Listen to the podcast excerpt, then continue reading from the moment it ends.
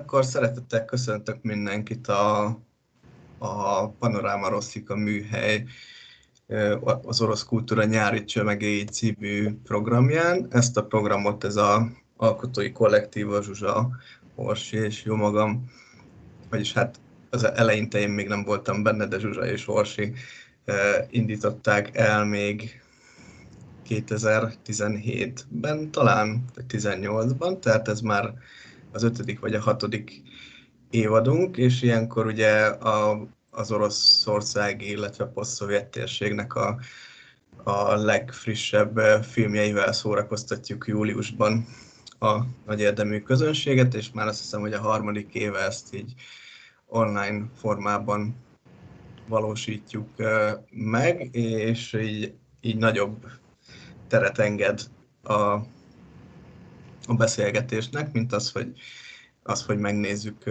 közösen a filmet, és utána, utána mindenki szétszéled. Ugye szerencsére ezek a filmek elérhetők online, annyira nem nehéz beszerezni őket, és megnézni egyénileg. És ugye idén is négy filmet válogattunk össze, és rögtön bele dobtunk mindenkit a mély vízbe, mert hogy szerintem ez az idei filmek közül azt hiszem, hogy ez a leg depresszívebb alkotás, de úgy gondolom, hogy, hogy, hogy ha túl vagyunk a nehezén, utána, utána már csak könnyebbek lesznek, meg így kronológiailag is a másik három film az inkább mai problémákat taglal, mai, mai történet, ez pedig ugye második világháborús történet, ezért ezt vettük előre. Ugye a, a Blokkádnyi nyelvnyik, vagy Blokkád napló című filmről van szó, amelynek elég hányatatott sorsa volt a Covid miatt meg nem csak a Covid miatt, hiszen a, a rendezője Andrei Zajcev már több mint tíz évet foglalkozott ezzel a filmmel, mielőtt kiadta volna a kezéből, és több száz interjút és, és memoárt olvasott el, hogy minél hitelesebbnek hasson a történet, és még valamikor 2016-ban kezdték el a forgatási munkálatokat, aztán ugye mindenféle utómunka vette kezdetét, ami két-három évet ölelt fel, és eredetileg úgy tervezték, hogy 2020. május 9-én a győzelem 75. évfordulóján mutatják be, ami végül a Covid miatt nem sikerült, ezért elhalasztották a bemutatót, 2020. októberében a Moszkvai Filmfesztiválon, Nemzetközi Filmfesztiválon debütált, ahol három díjat is elhozott egyrészt a film közön, vagy a fesztivál közönség díját, a legjobb filmnek járó díjat, illetve a, az InStyle magazinnak a legjobb színészének járó díját, az, a, az Olgát játszó, szintén Olga nevű Olga Ozol Lapinja színésznő nyerte el.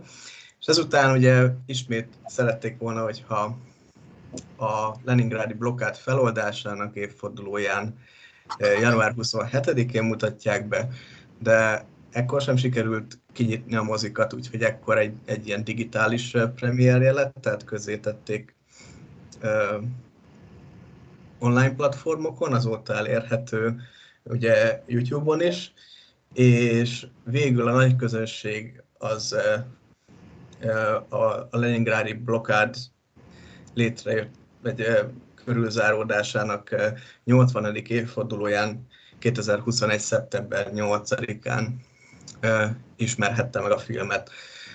Azt még előjáróban még annyit elmondanék, hogy ugye a, mióta újra van pénz filmjátásra Oroszországban, azóta ugye ezek a nagy költségvetésű speciális effektusokkal ellátott háborús filmek, ismét világháborús filmek reneszánszukat élik, és ugye ezeknek a farvizén néha ilyen sajátosabb hangvételű filmek is a közönség elé tudnak jutni, mint például ugye a két évvel látott Dilda, vagy Nyakigláb című film Kantamir Balagóval, és így az előző, tehát amiket előzetesen olvastam erről a blokkád napról, ez is egy ilyen sajátos hangvételű filmnek tűnt, tehát az is volt, és, és tehát úgy gondoltuk, hogy, hogy e, e, ezek helyett a nagy költségvetésű filmek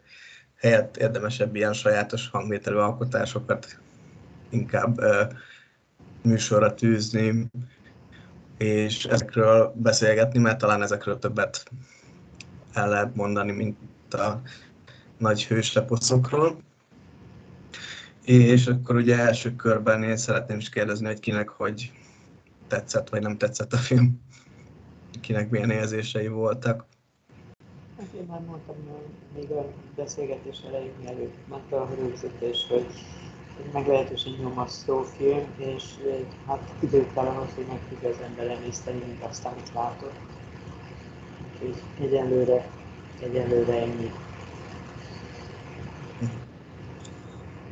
Igen, itt beszéltük, hogy mikor érdemes megnézni ezt a filmet. Hogy én, én is így tegnap este néztem meg, és már így kicsit ülepedett bennem, úgyhogy már most talán tisztában látok. Zsuzsa? Viktor, bocsánat, és most, hogy tisztában látsz, most, most így, vagy még nem akarod mondani, hogy te mit gondolsz?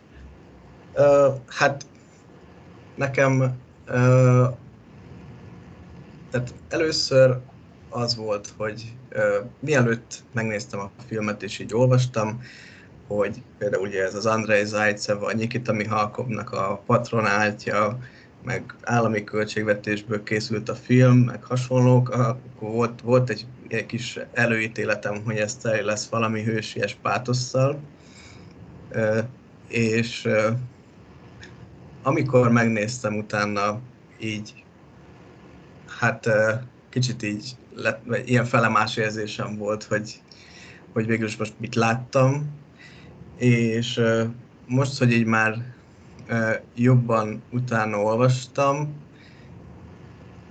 egy-két dolognak, így pedig már így nagyjából értem a rendezőnek a koncepcióját, hogy, hogy miért miért így ábrázolta ezeket a dolgokat, amiket ábrázolt. Mm. Hát nagyjából ennyi így első körben.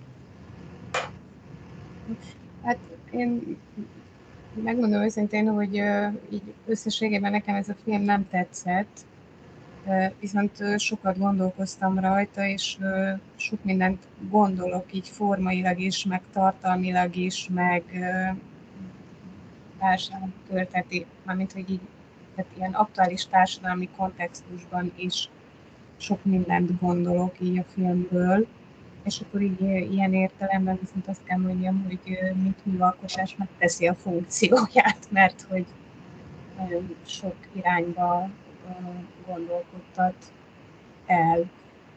Akkor így most így akkor ennyit, ennyivel kezdeném. Jó? Jó. Ákos?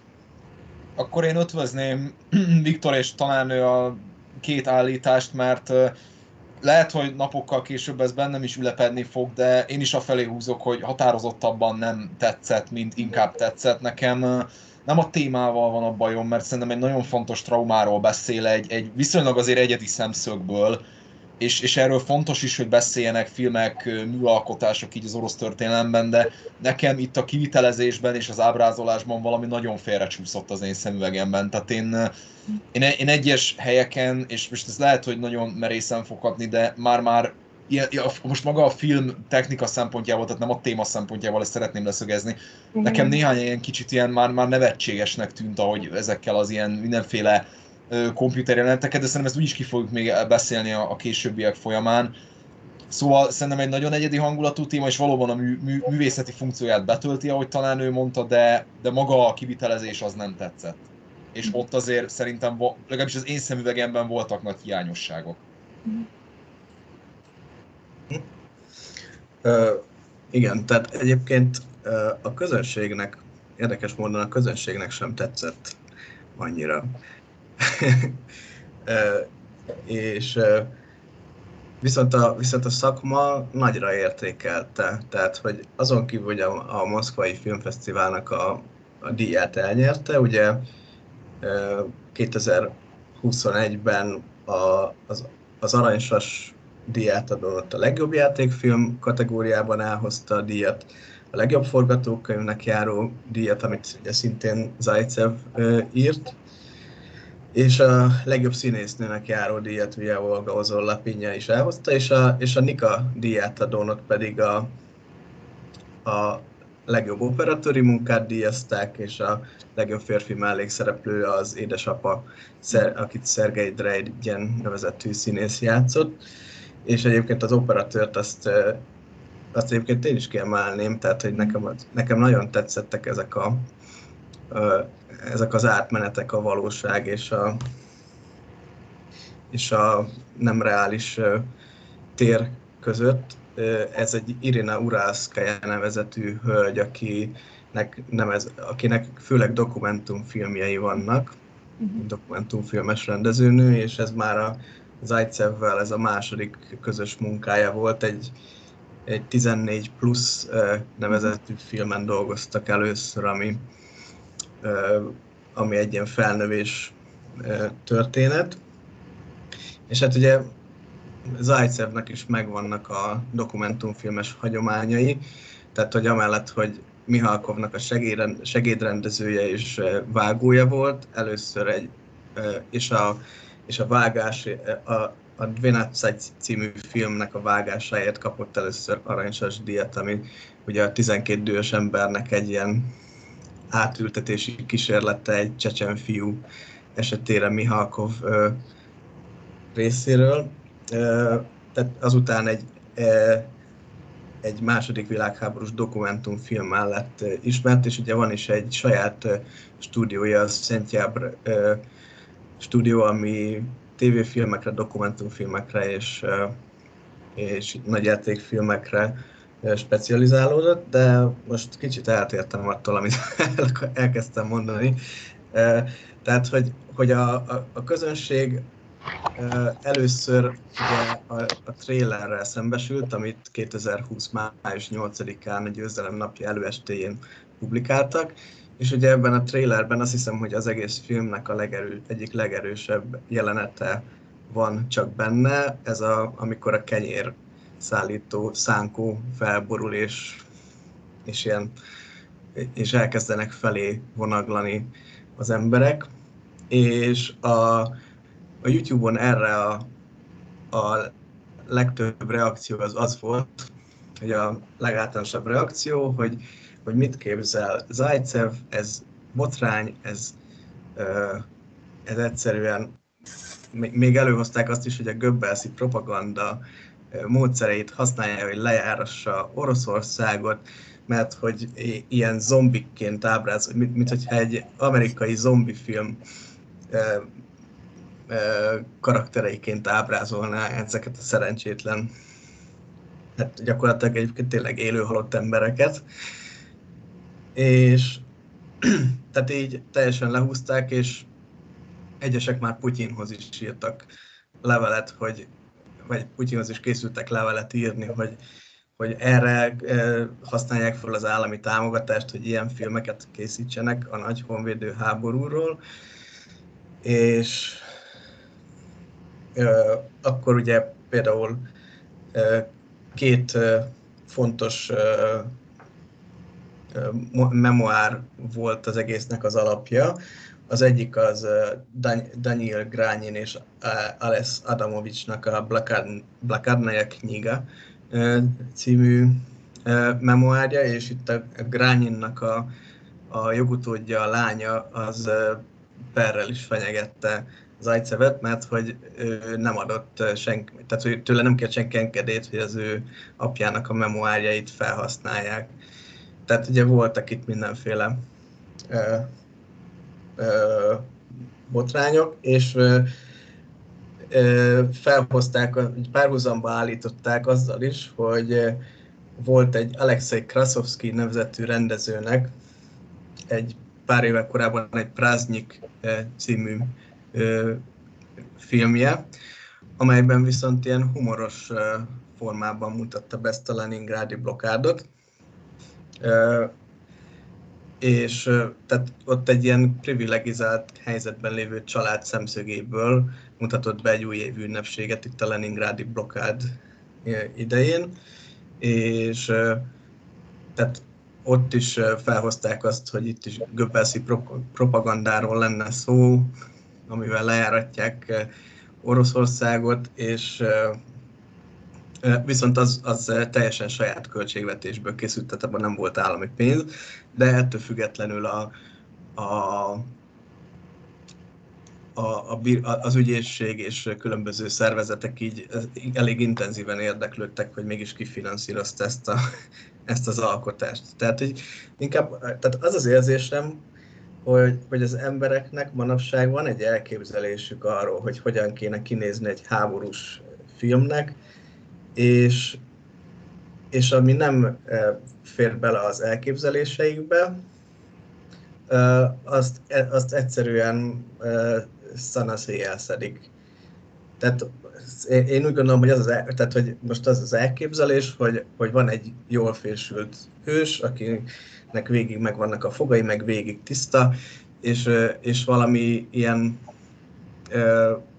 tehát az utolsó emberig védenek valami állást a németek ellen, és hősiesen feláldozzák magukat, és itt ugye ebben a filmben nem erről van szó, hanem egy kicsit ilyen, tehát hogy, hogy itt a civil lakosságnak a, az értelmetlen szenvedéséről, és hogy ezt így nem tudja befogadni ez a nézőközönség. Nem tudom, hogy ezzel kapcsolatban. Én, én ebben kapcsolatban szeretnék valamiket mondani, hogy hát akkor most a befogadói oldalról közelítve a filmhez, az, hogy, hogy ilyen olvasói levelekkel, vagy ilyen Facebook, vagy nem tudom milyen bejegyzésekkel így neki mennek a filmnek, és kikérik maguknak, hogy a film ilyen vagy olyan vagy amolyan képet ö, rajzoljon egy ö, történelmi eseményről, főleg a második világháborúval kapcsolatban, ugye, aminek a, az ilyen patetikus szentségét, az csak folyamatosan fokozza a, ugye a kormánypolitika is. De tehát, hogy így ennek alátesznek az olyan botrányok is, mint ami a Matilda körül volt. Tehát, hogy ugye az egyház kiátkozta azt a filmet úgy, hogy azt is hangoztatták, hogy meg se néztük, de tudjuk, hogy, hogy hogy kérjük magunknak, hogy mi van benne, úgyhogy meg sem.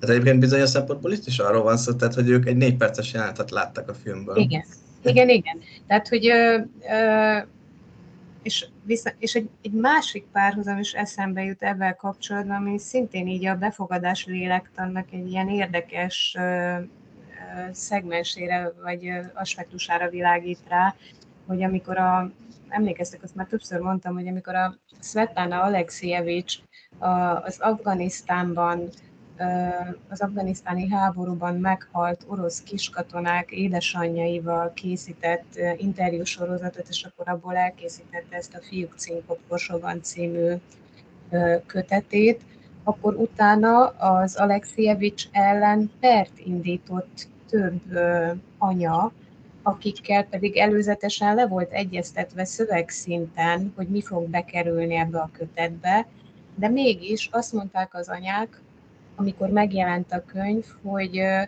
hogy vagyis, tehát, hogy ők nem akarják ilyen oldalról is láttatni a világgal ezt az egészet, mert nekik semmi más nem maradt a elvesztett gyerekükből, mint a hős kultusz.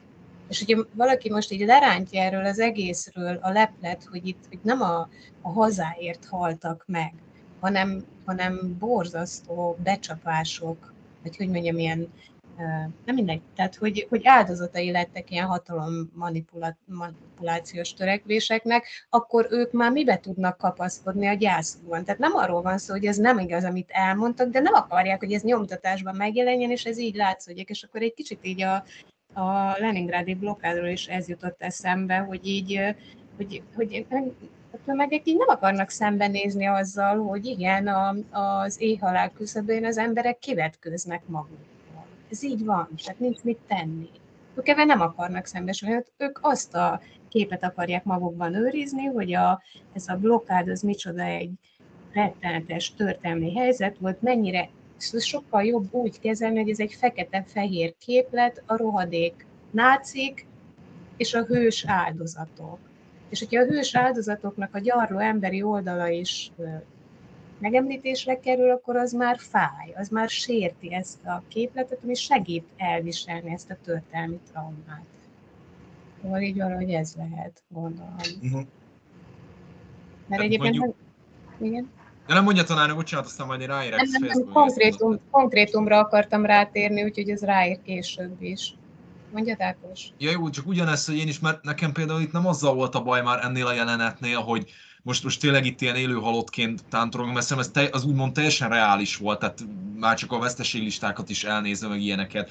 Meg amúgy én korábban olvastam ezt a fejezetek a blokkád könyvéből, ezt Adamovics kötetet, és, és tényleg megrázó, meg tehát mi épésszel alig tudjuk felfogni, hogy ott mi történt. Ugyanakkor nekem így ábrázolás szintjén én azt is megértem, aki elsőre tényleg a zombi filmekkel azonosította, mert tehát az, hogy mint egy, mintha egy kidolgozott koreográfia gyanánt, ilyen kifehérített szemekkel, meg mindennel elindulnak a hóbuckán át, tényleg ugyanolyan darabos mozgással, azért az enyhén szólva hajazott a, e, ezen filmeknek a látványvilágára. Meg aztán, ami következett, tehát az amikor van, van ez a gránát tűzcsapás, és ugye ott, ott megsebesülnek, mit tudom és egy nő elkezdi keresni a leszakított karját, hogy az hol van, mert nem tudom, abban van a kenyérjegye, vagy valami ilyesmi. Igen, igen. Tehát az, az, nekem viszont az már egyenesen szürreális volt, mert rendben van, hogy de ha valakinek leszakad a karja, akkor az nem állott szálfa egyenesen, és teljesen szinte úgymond nyugodt hangon mondja, hogy hol akarom, hol akarom, és aztán ú, megtaláltam, és, és felnyújtja neki a másik. Tehát nekem az viszont egyszerűen az olyan, az, az olyan hiteltelen volt az egész, hogy tehát ezt úgy nem tudom elképzelni, hogy egy ember, valaki, akinek látszólag ráadásul tőből szakad le a karja,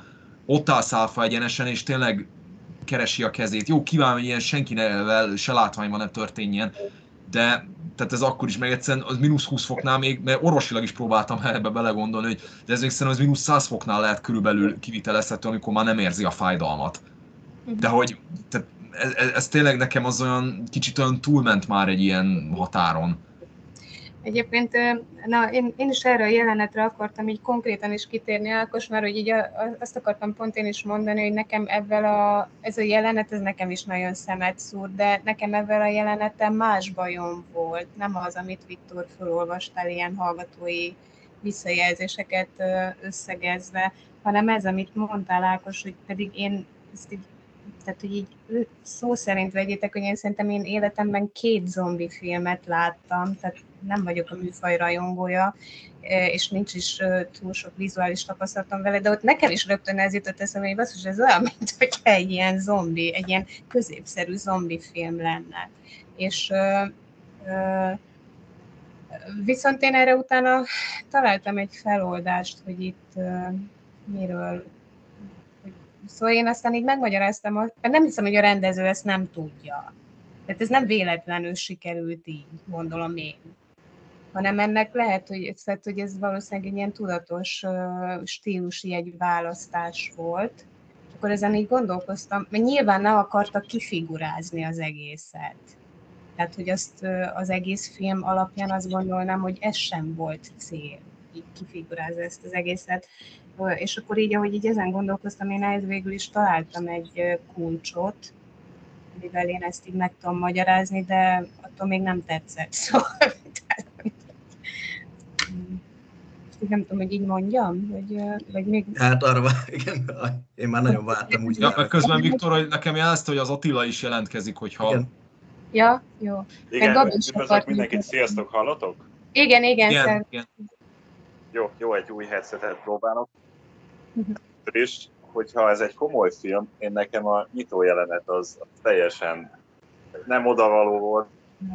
Na, csatlakozom, csatlakozom. volna bele. Egy ilyen kereszt vizelését, tehát ez fizikailag is lehetetlen több szempontból, úgyhogy így, tehát, hogy így el tudom képzelni, hogy egy ilyen, egy ilyen slaggal a, nem tudom, az orosz bambit így, így slagolják így több, több fel, felvételbe egyszerűen az egyáltalán nem illett oda, és nem, őszinte leszek, én nekem bele kellett tekergetnem néhol. Itt uh, sajnos érdeklődés hiány is, mert egy idő után elfárasztotta az a tömény nyomok. Én már szívesebben meg. Ez a hulláknak a látványa, ez, ez nem adott hozzá sok mindent így a műhöz. Visszacsatolt legelejére nem volna szeretem. A T-34-es filmet nem tudom, hogy láttátok-e. És azt úgy reklámozták az orosz csatornákon, filmcsatornákon, hogy Forszás Natanka, azaz halálos iramban tankokkal. Úgyhogy komoly nyomás alatt vannak ugye a filmkészítők, hogy valamilyen sokkoló ilyen, ilyen Hollywood tükörképét telepedjék, ugye jó fésült De én azt hittem az első jelenetből, hogy valamilyen ilyen király, hazafias filmet fogok látni, valamilyen, valamilyen ellenállásról, hogy nem, szerintem nagyon nem volt egybe a film ilyen szempontból, de nem mondom, Viktor tényleg elég, elég a mélyére nyúltál a filmválasztásnál, de a többi az már nem fog ennyire minket elszomorítani, remélem. Nekem az volt a bajom ezzel az egésszel, hogy tulajdonképpen a filmnek több, mint a felét ezek a nagyon melbevágós, nagyon naturális jelenetek teszik ki, ami önmagában nem probléma.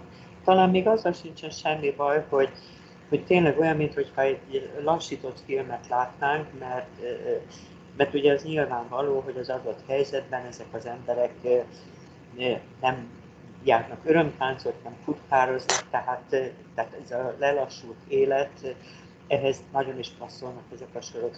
De ilyen tömény mennyiségben, és ilyen hosszan egy filmen belül, tehát úgy éreztem, hogy a, a kevesebb a sokkal többet volna. Tehát igazából ahonnan nekem tetszett ez a film, amikor megérkezik az apjához. A, az apának a, a figura, ez egy nagyon csodálatos figura, és, és azok a jelenetek valóban nagyon felemelőek. És nekem jutott egyébként eszembe, hogy hát ha korábbi filmalkotásokat megnézzük, vagy akár csak az irodalmi alkotásokat is, azért a, nem feltétlenül Leningrádi blokkádról, de a háború nyomorúságáról azért nagyon sok film szó. És anélkül, hogy ennyire durván az arcunkba vágnák, ennyire nyersen, ennyire véresen, akkor is át tudjuk érezni azoknak az embereknek a, a tehát azokat a borzalmakat, amiken ezek az emberek keresztül mentek. Ha megnézzük például a szállnak a darbokat, ami, ami egy nagyon nagy klasszikus az ilyen típusú filmeknek, vagy vagy a Ballada a katonáról. Jó, tudom, hogy ez egy, ez egy korszaknak a meghatározó film esztétikája alapján készült.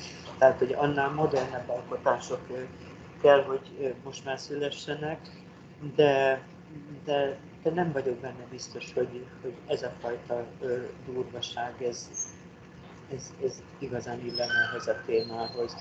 Vagy ami viszont a, szintén a Leningrádi blokkádról szólt, igaz, hogy az, az nem film, hanem, hanem dráma Arbuzovnak a ö, szegény marát. Ö, ott is azt látjuk, ugyanazt látjuk, hogy, hogy szobába bezárva, rettegve, elégetve a, a, a bútorokat, a képeket, várják minden nap, hogy, hogy egyáltalán túlélik ezt a napot. És mégsem volt, mégsem volt. Még úgy éreztem valóban, hogy, hogy szinte a gusztustalanságig mennek ezek a naturális részletek. Tehát egyszerűen sok volt belőle, és sokkolóan sok.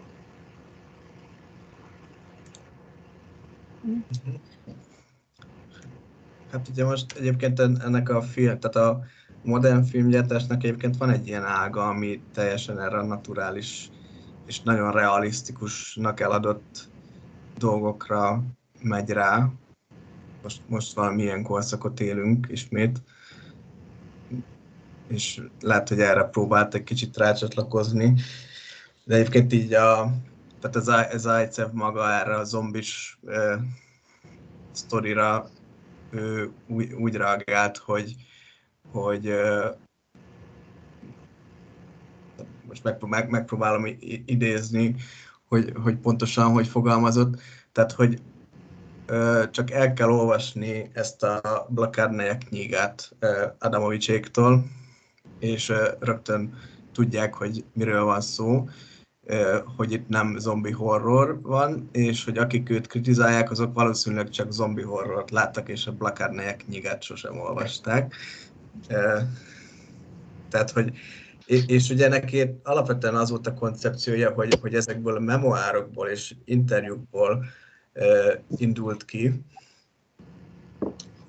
és, és abszolút nem akart semmiféle interpretációt belerakni, hanem csak azt megmutatni, ami az, ezeknek az embereknek a szemszögéből ott és akkor történt. Persze itt ugye felveti a kérdést, hogy, hogy attól, hogy én összerakok egy filmet és megpróbálom, tehát, tehát hogy egy ilyen koncepcióval, abban azért már benne van alapvetően egy, prekoncepció, tehát hogy, tehát hogy sosem lesz teljesen független, objektív a, a dolog. Tehát, tehát, hogy ahogy összevágom, ahogy, ahogy felveszem, az, az már azért mutat egyfajta egyfajta interpretáció felé. De ő ezt mondta, hogy amúgy is valószínűleg azért, mert hogy dokumentumfilmes, hogy ő egy ilyen dokumentarista valóságot próbált megvalósítani, az ostromlottakat megszólítani, és ugye a, a krónikai jelleg miatt is egy fekete-fehér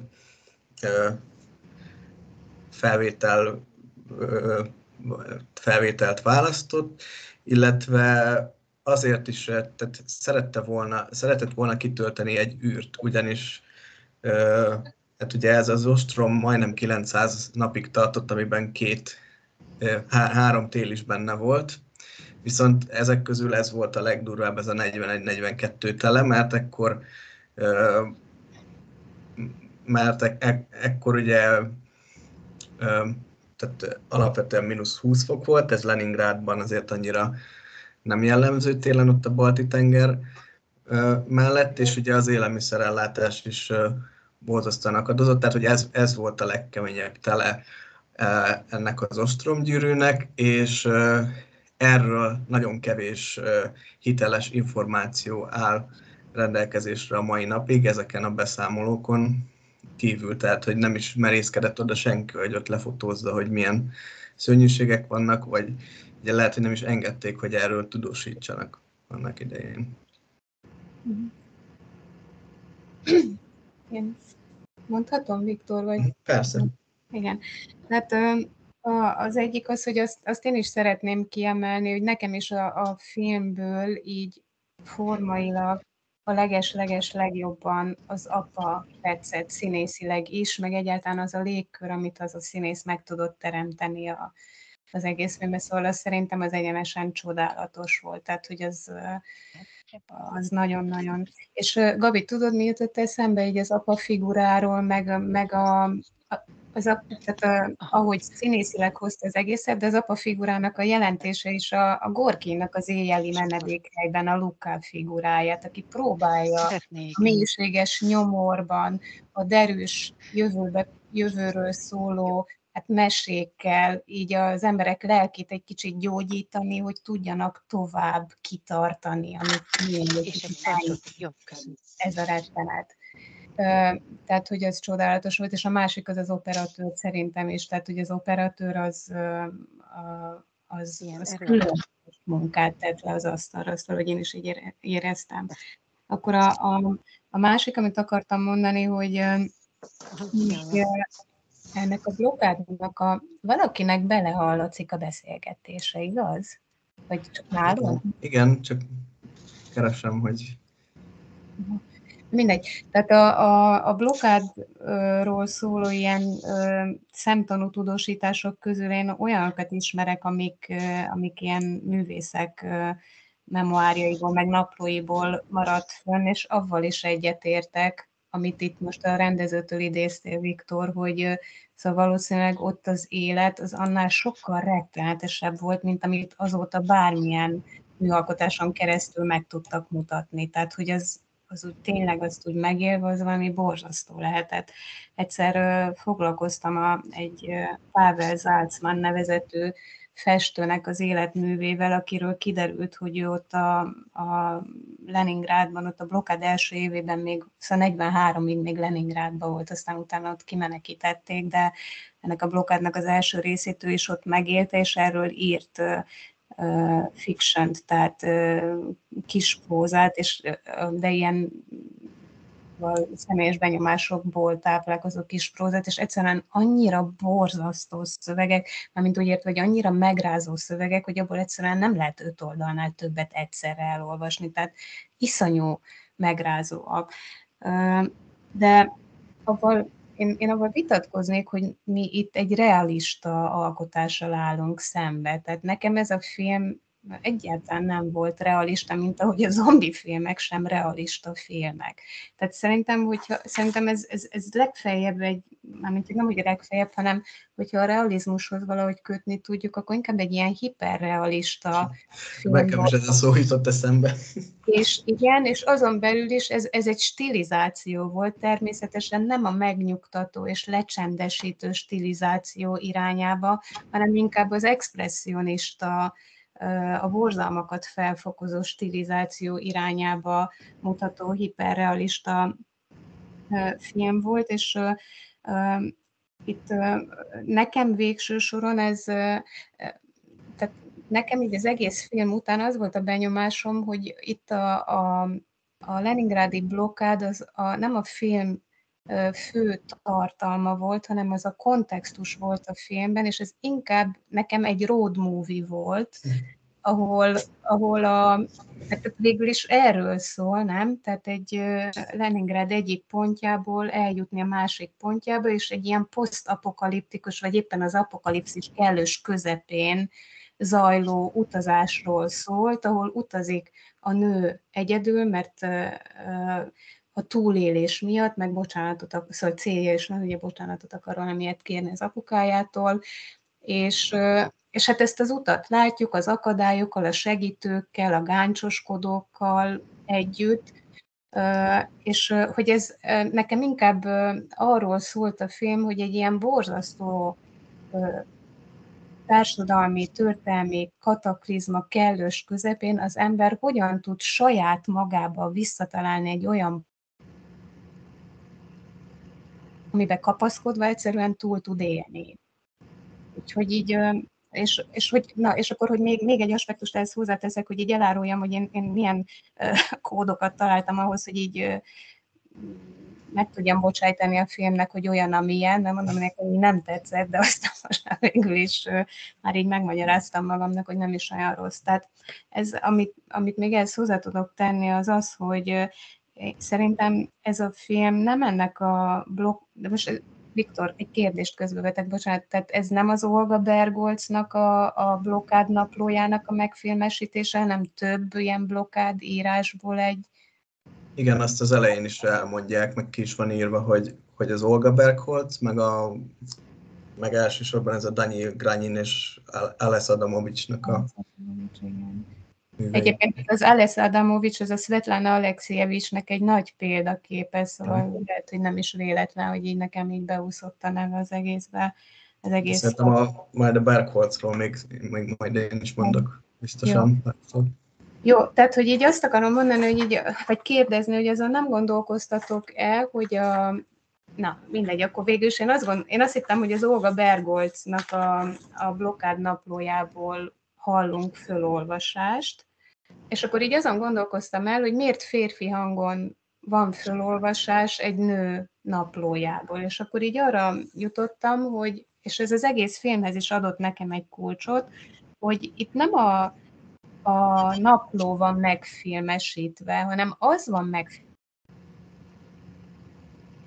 mai fiatal vagy középkorú, ha elolvas egy ilyen naplót a Leningrádi blokkádról, akkor ő hogyan tudja ezt a maga számára vizualizálni, vagy, vagy tehát így, hogy, hogy egy, egy mai olvasóban hogyan elevenedik meg mindaz, ami akkor lehetett. És akkor én ebben tudtam magamba föloldani ezt a zombi jelenetet is, hogy valószínűleg ez az Zajcev, ez a rendező a legnagyobb borzalmakat így vizuálisan, tehát ha lelkileg nem is úgy, de hogy így vizuálisan a legmeghökkentőbb borzalmakat a zombi filmekbe látta, és ezért vette be ezt a zombi film klisét ide, mert az ő világában, mert ha jól értem, ez nem élt, tehát ez nem egy idős valaki, nem Viktor? Nem, 75-ben született. Na, tehát a, szóval ő már a, a nyugis időben született.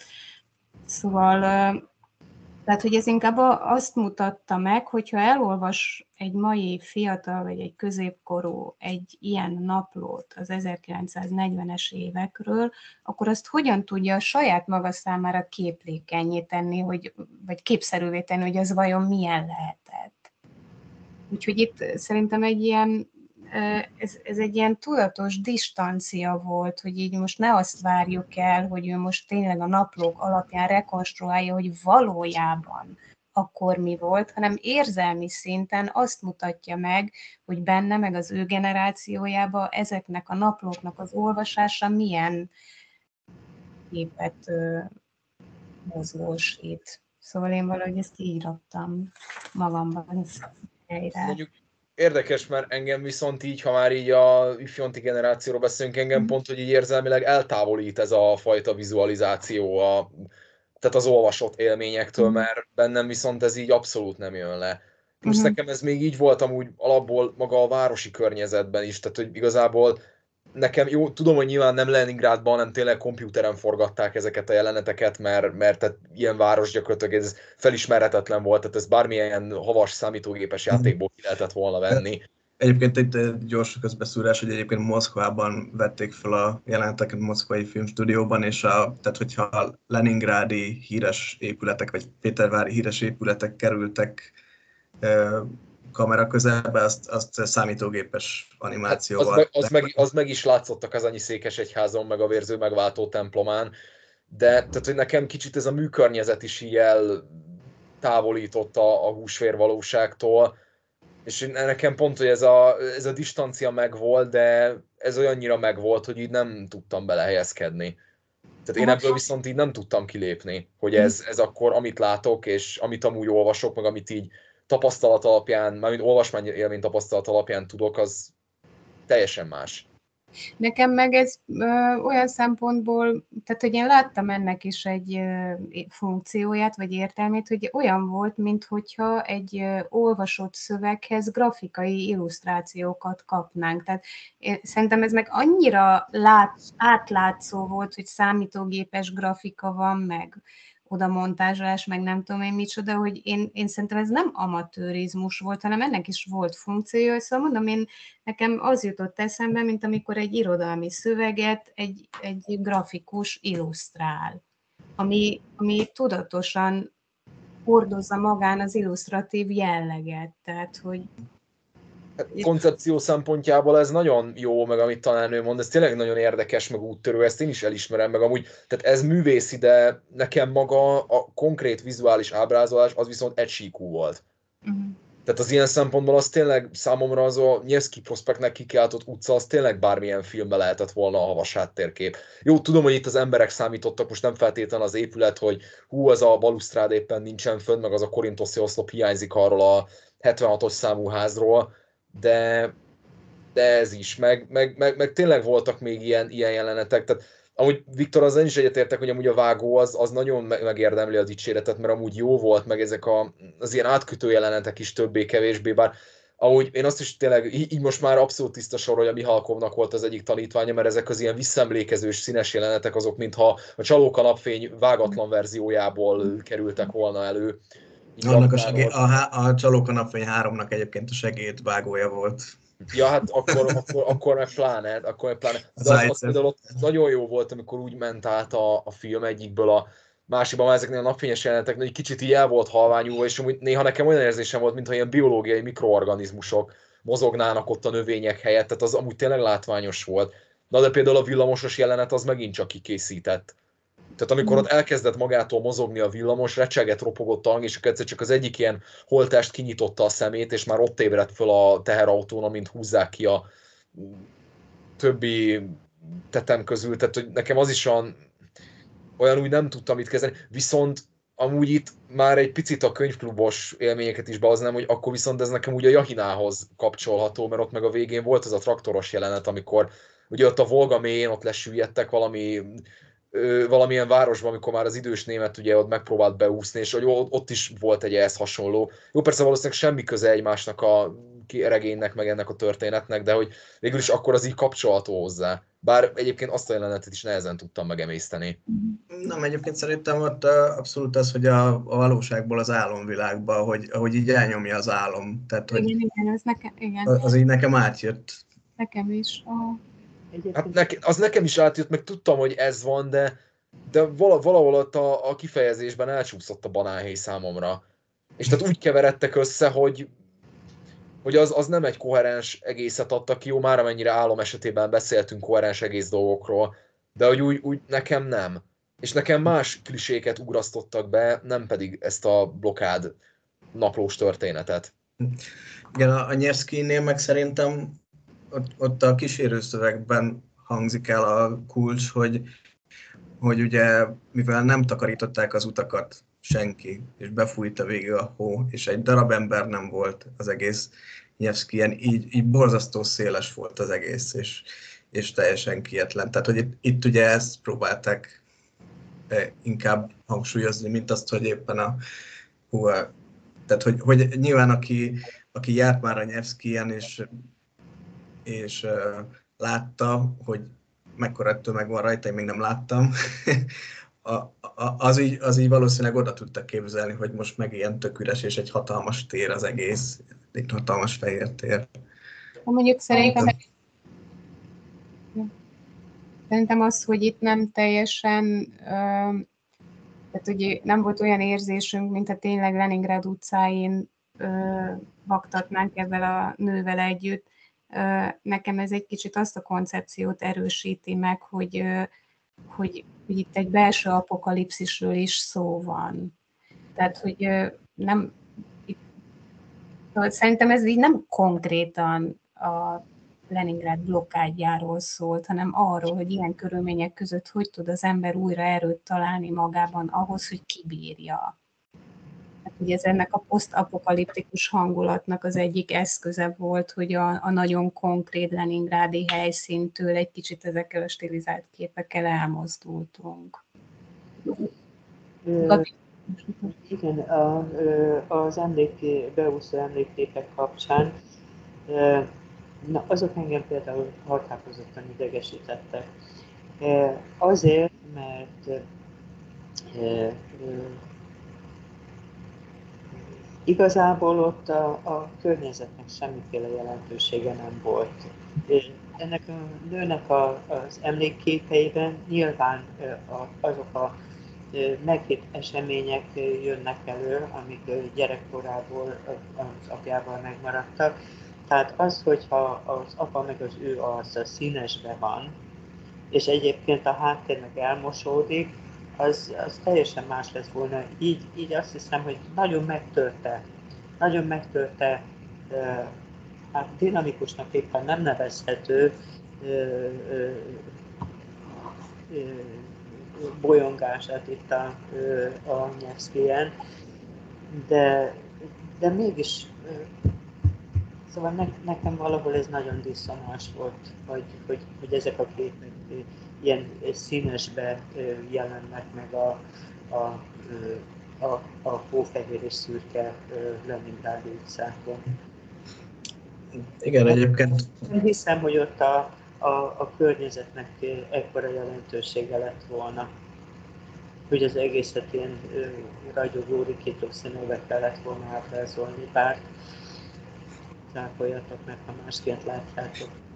Egyébként, amikor ugye mondtam, hogy miután megnéztem, így néztem magam elé, hogy ez most mi volt, az főleg emiatt, e, ezek miatt a diszonanciák miatt volt, hogy, hogy így e, sok mindennel kísérletezett ez a rendező, tehát hogy megpróbált realisztikus lenni, hiperrealisztikus, néha ilyen á, néha e, e, mágikus realisztikus, tehát ilyen e, tehát így ilyen, és a végére egy ilyen nagyon eklektikus alkotás lett, a, a, ami, amiben minden, minden is volt, meg nem is volt. Tehát ö,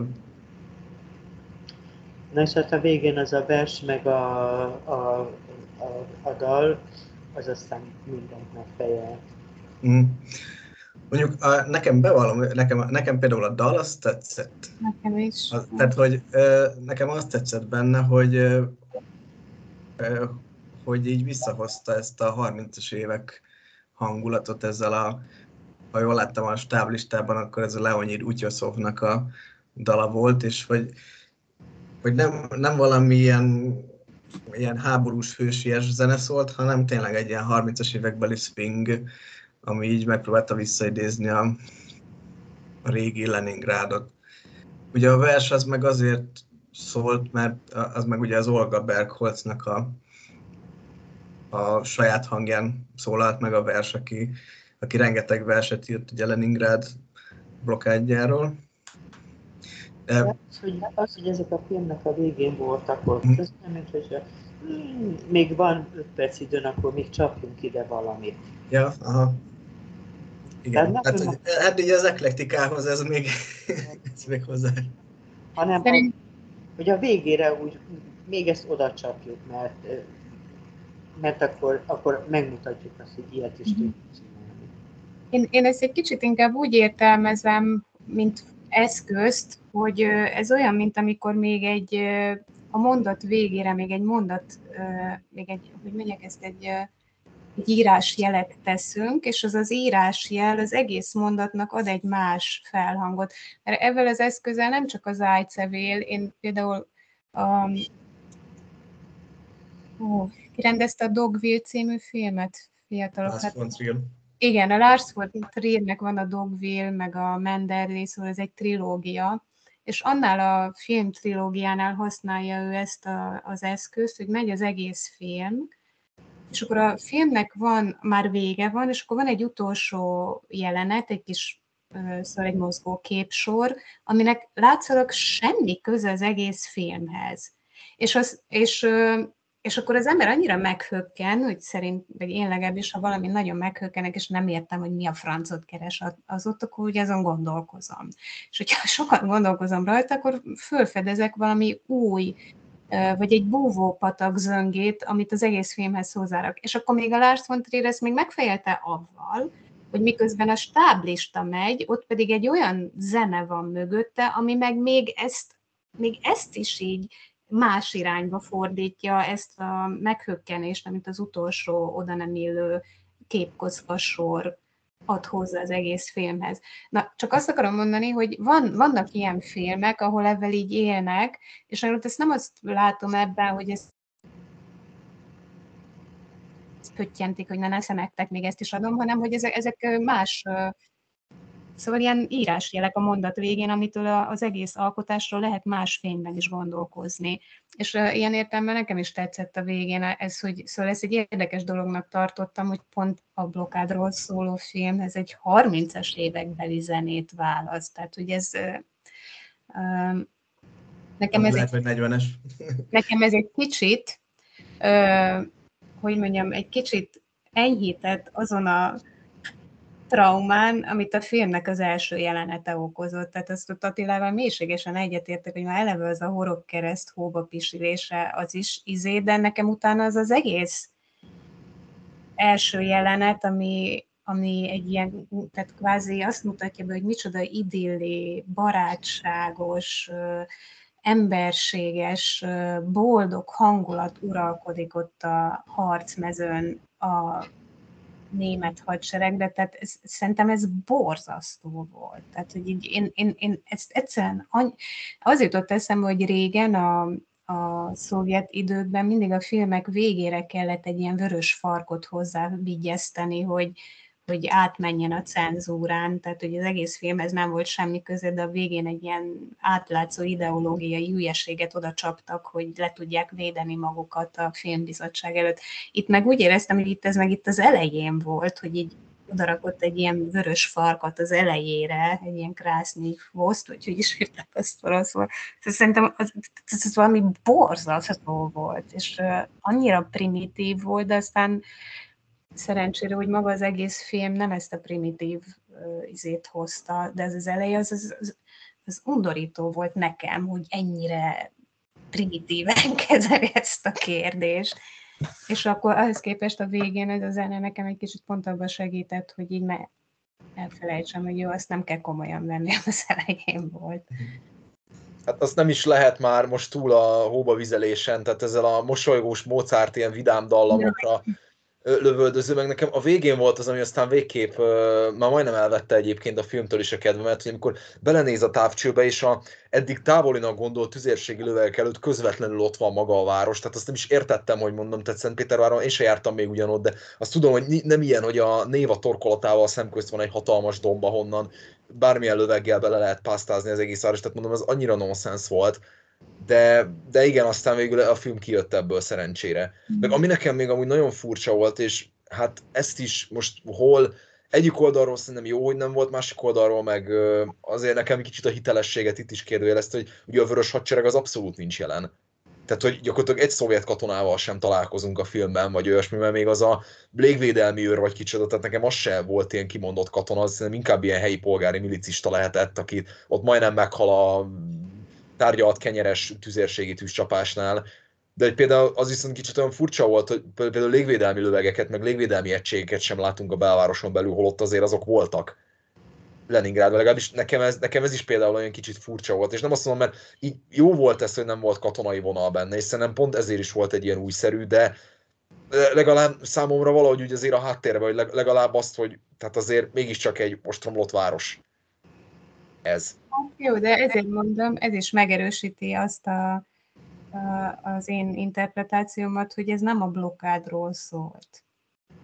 Tehát ez nem a blokkádot akarta bemutatni, ez valami más, egyetemesebb emberi helyzetet akart bemutatni. Egyébként nekem a, nagyon sokszor eszembe jutott, így amiközben néztem a filmet, az Út című film, azt valamelyik kötök ismeri, ez 2009-ben egy, egy amerikai regényből készült, és a, a könyv is Magyarországon is bestseller lett, és na, az egy posztapokaliptikus történet, és arról szól, hogy egy apa meg a fia próbálnak egy elembertelenedett világban életbe maradni, és akkor mennek a földrajzilag beazonosíthatatlan helyen az úton, és mindenféle elvadult embercsoportok tól próbálnak távol maradni, hogy megmaradjanak, életben maradjanak, és hát itt végső soron a, a, a, arról a szeretetről szól, szerintem legalábbis, ami az apát és a kisfiút összeköti, és ugyan az apa meghal,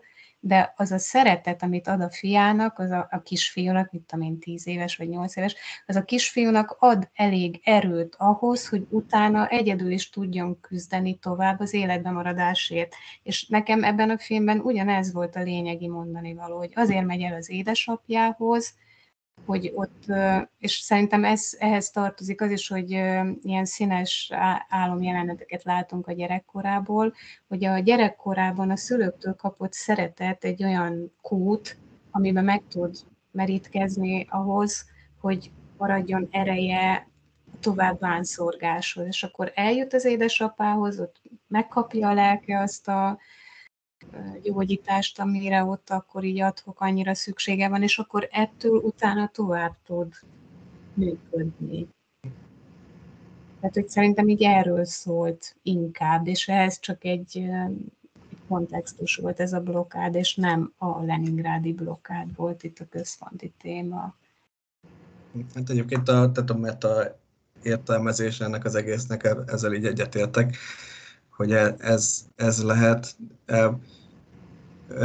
Tehát én amikor azt mondtam, hogy hiperrealisztikus, vagy tehát nekem is ez jutott eszembe neked, de én nem, tehát én, én nem a ma felé vetítettem teljesen ezt az egészet, hanem hogy olyan szempontból hiperrealisztikus ez az alkotás, hogy, hogy tehát ma feldolgozta az, azokat az emlékeket, amiket leírt valaki valahol, és hogy leírt valaki a, a blokkád idején. És tehát nyilván az sem egy realisztikus kép, amit ő látott annak idején, és, de ő szerette volna szó szerint megvalósítani azt, amit, amit ez a valaki annak idején leírt.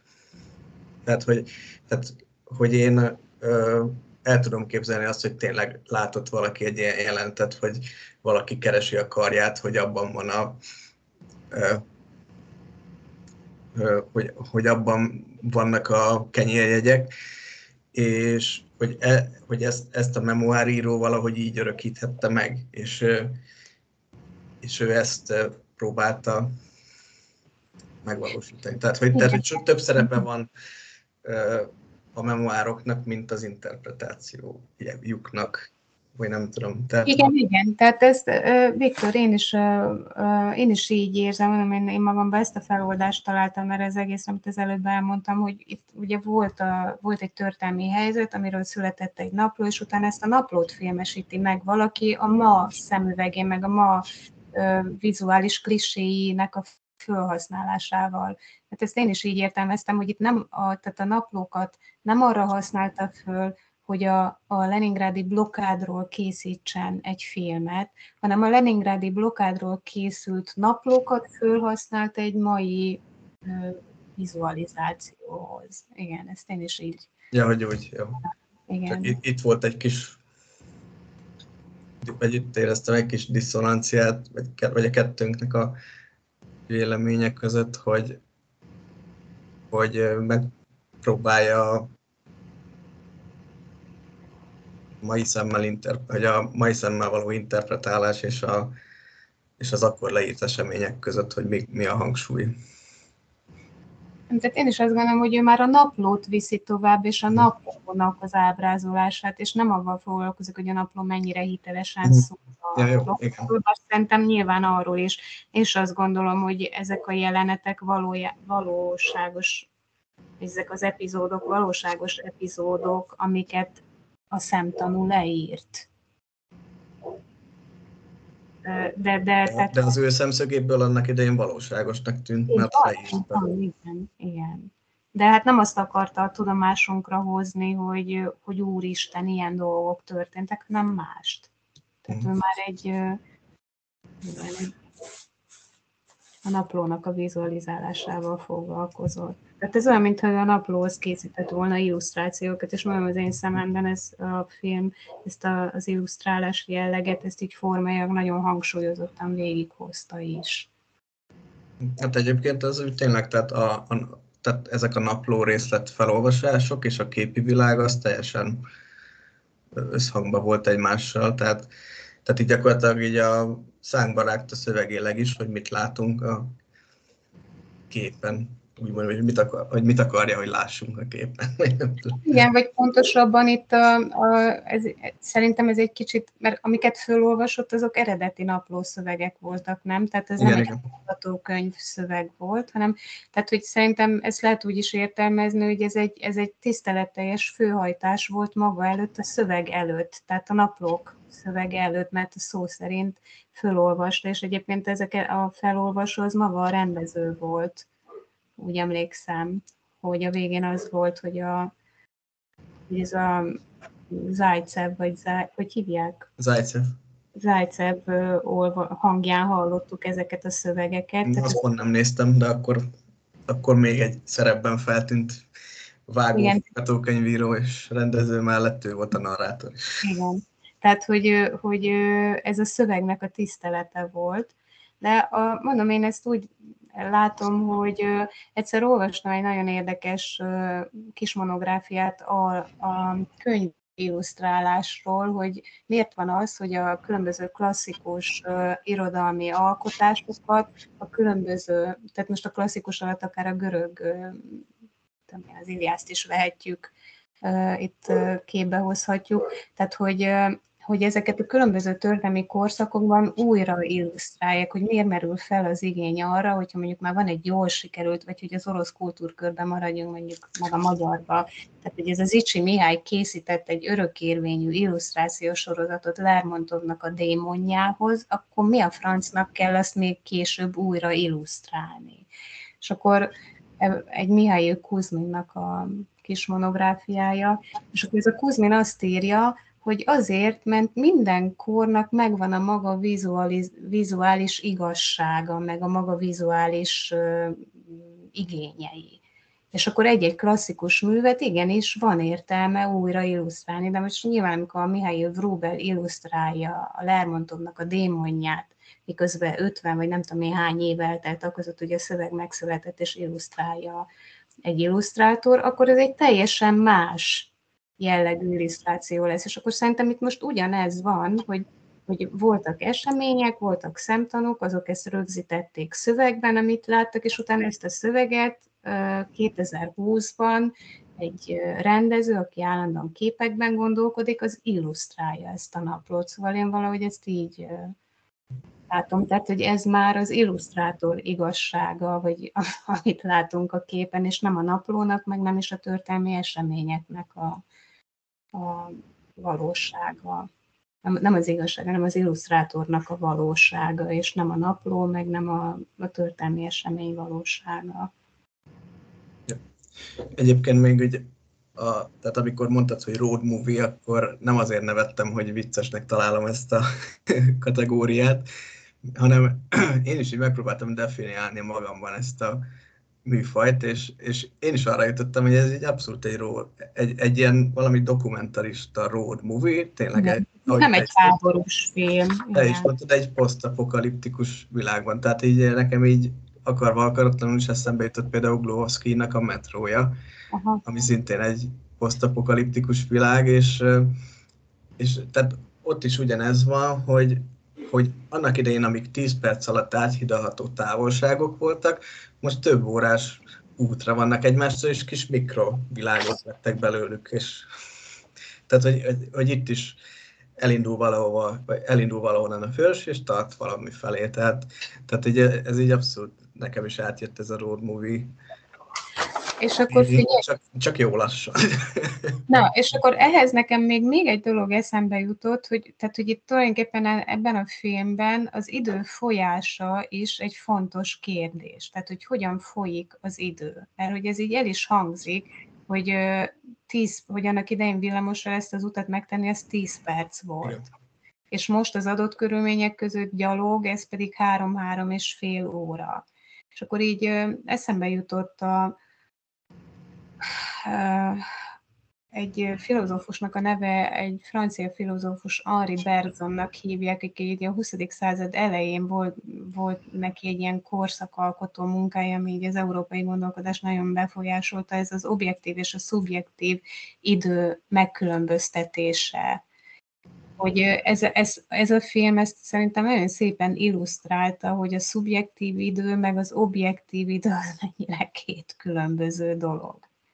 Mert ugye itt a nőnek az élete függött attól, hogy ezt a normál körülmények között 10 perc alatt villamosan megtehető utat három és fél óra alatt meg tudja tenni. És az is benne volt a pakliba, hogy belehal útközben, de az is benne volt a pakliba, hogyha nem jut el az édesapjához, akkor is belehal abba, hogy nem jutott el az édesapjához. Tehát, hogy így valahogy így a tudatnak, meg az értelemnek az ideje az így elválik a, a reálisan folyó időtől, úgyhogy az, hogy ennyire lassú volt a film, az szerintem ennek a, az, a következménye, hogy így magáról az idő szubjektív és objektív megítéléséről is szólt egy kicsit ez a film. Úgyhogy így ez is benne volt. Meg így az idő az még olyan szempontból is előkerül, hogy ugye az elején is, meg a végén is hallunk egy metronómot. Tehát, Aha, tényleg, igen, igen, igen. Tehát, hogy, ott, hogy, hogy ne veszítsék el az időérzéküket, így beállítottak maguknak egy metronómot, ami folyamatosan kattog. Egyébként ez az út téma, az, azt hiszem, hogy a, a YouTube videónak a szövegébe található, hogy Zajcev Odüsszejának nevezte ezt a filmet. Mm-hmm.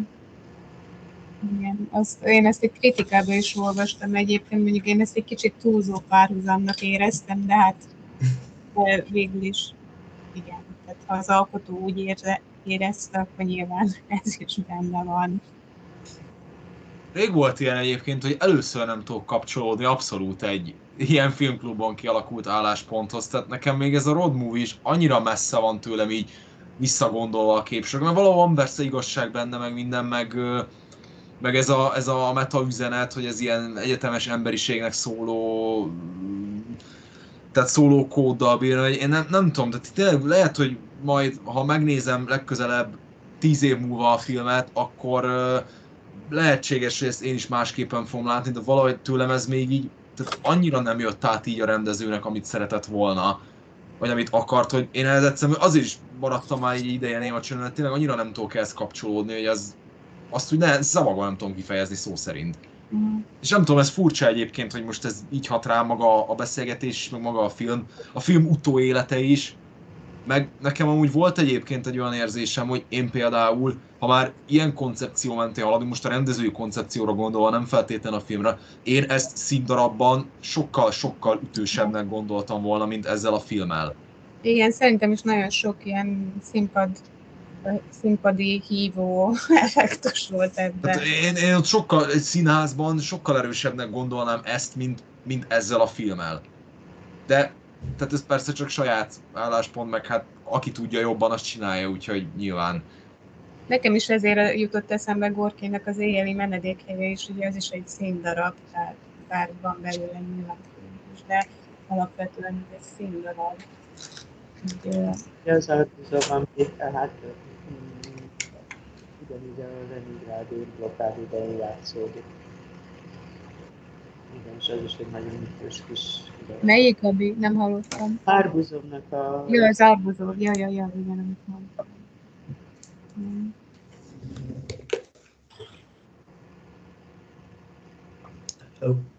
Egy pillanat. Csak De miért neked a road movie az mi? Szóval te így magad vagy, vagy te hogy definiálod azt, hogy road movie? Hát ez olyan, végülis egy ilyen pikareszk regény. Nem, nem, nem, most végül is Ákost kérdezem, azt mondja Ákos, ja. hogy az, ja, ő, az ő... Nyugodtan mondhatod, Viktor, aztán majd reflektálok a tiédre. Ja, azt hittem én. Nem, hanem csak azért már hogy, hogy, hogy, hogy ő még ezt sem, tehát ebbe a struktúrába se tudja beleilleszteni a filmet, hogy, hogy road movie, mert hogy neki ez így annyira nem, nem road movie, még az sem, vagy nem tudom, hogy Hát nekem amúgy attól függ, hogy nyilván itt a road is több fajta, mert van ez a klasszikus utazós, amikor tényleg ugye a táj is szerepet játszik, meg amikor A-ból B-be jutnak, meg persze van lelki utazás. Hát, tehát... most bocsánat, de akkor mi az, ami ebből, amit az előbb elmondtál, nem érvényes erre a filmre? Hát jó, de itt jött volna a mondat második fele. Mert, mert az egy dolog, hogy eljutunk A-ból B-be, de hogy én nekem viszont az a road movie, tehát az egy, az egy azért az egy olyan koherens egész, aminek egy nagy, tehát olyan, mint egy kicsit amőba, aminek van két kifeszített pontja, tehát, hogy van egy, van egy, tényleg eljutunk A-ból B-be, na de közte van egy hullámzó tér, ami viszont mégis így valamilyen úton, módon ehhez kapcsolódik. Hát de és, volt, abszolút. De nekem nem volt, talán a vizuális ábrázoláson és maga a film megjelenítési eszközein nálam ez elbukott. Tehát ezekkel a jelenetekkel, mert ezeket én nem tudtam már, itt az említett ilyen grafikai illusztrációkat, meg, meg most jó, ezt a zombi jelenetet már túltárgyaltuk, most nem akarom arra nyáragozni, tehát nekem ezek, ezek nem tudtak ide bekapcsolódni. Mert akkor már most eljutunk ide, hogy most akkor tényleg ez a Leningrádi blokkádról szólt, vagy most egyetemeset akar mutatni, tehát nekem akkor viszont ott van egy ilyen ellenmondás, hogy oké, okay, hogy behelyezzük ebbe a Leningrádi térbe, de én szerintem tehát ez, Nekem az a baj, hogy akkor most a Leningrádi térnek most konkrétan túl nem igazán felismerhető, viszont meg ilyen egyetemes, tehát hogy egyetemes mondani valóval, meg viszont az meg úgy valahogy nekem elsikkad. Tehát, hogy az, az meg viszont nem olyan erős, hogy ezt úgy nekem elvigye egy ilyen egyetemes, általános mondani való, amit ha levetítenek Indiában, Új-Zélandon és Oroszországban, akkor ugyanazt mondja az embereknek. Tehát, hogy ne, nekem, nekem tényleg ez, én ezzel a kifeszített, vagy ilyen rajszögekkel pontos kötött amőbaként tudnám elmondani, és nekem ez a... De ugyanakkor abban a filmben azért számomra van egy ilyen egész. És az a baj, hogy most ezt pokoli nehezen tudom elmondani, és lehet, hogy most itt nem érti a kedves közönség, hogy én mire gondolok, és amúgy ezzel semmi gond nincsen. De hogy nekem ez a film ezt így nem teljesítette ezt a, a, azt a road movie-t, ami számomra azt jelenti. Uh-huh. És hogy nekem pont, pont emiatt a, az ábrázolásbeli problémák és, és havas homályok miatt nekem ez így elveszik. Uh-huh.